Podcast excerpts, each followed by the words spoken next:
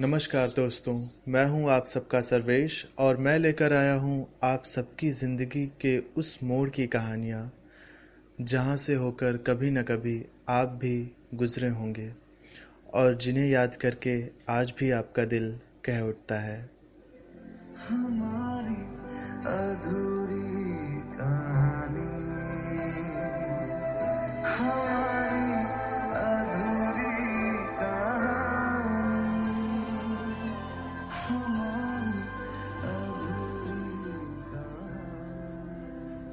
रिया आज भी बड़ी देर से आईने में खुद को देखे जा रही थी।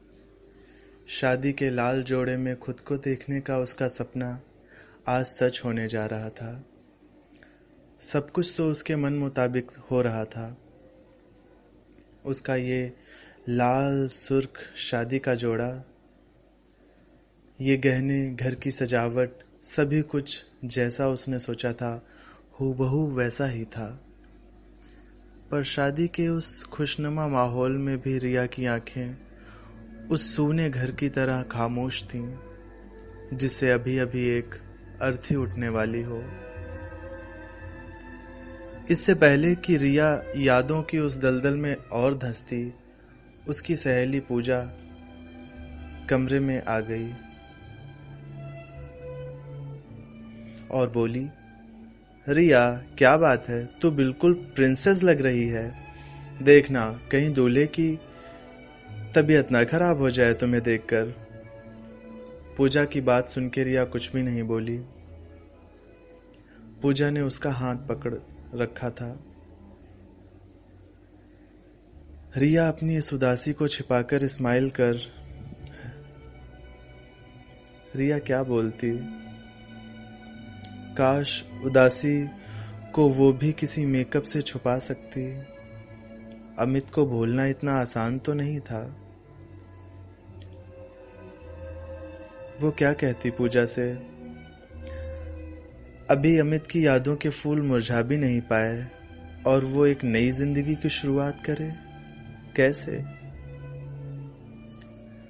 रिया फिर आईने के सामने बैठ के खुद को देखने लगी।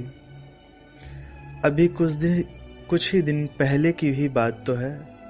इसी कमरे में, इसी आईने के सामने, अमित ने उसकी मांग भरकर न जाने कितने सपने सजाए थे।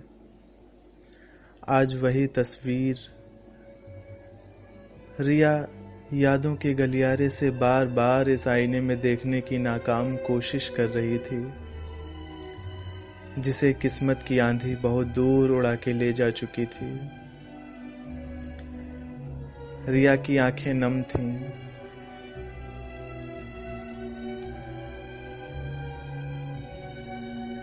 पूजा खामोश खड़ी थी।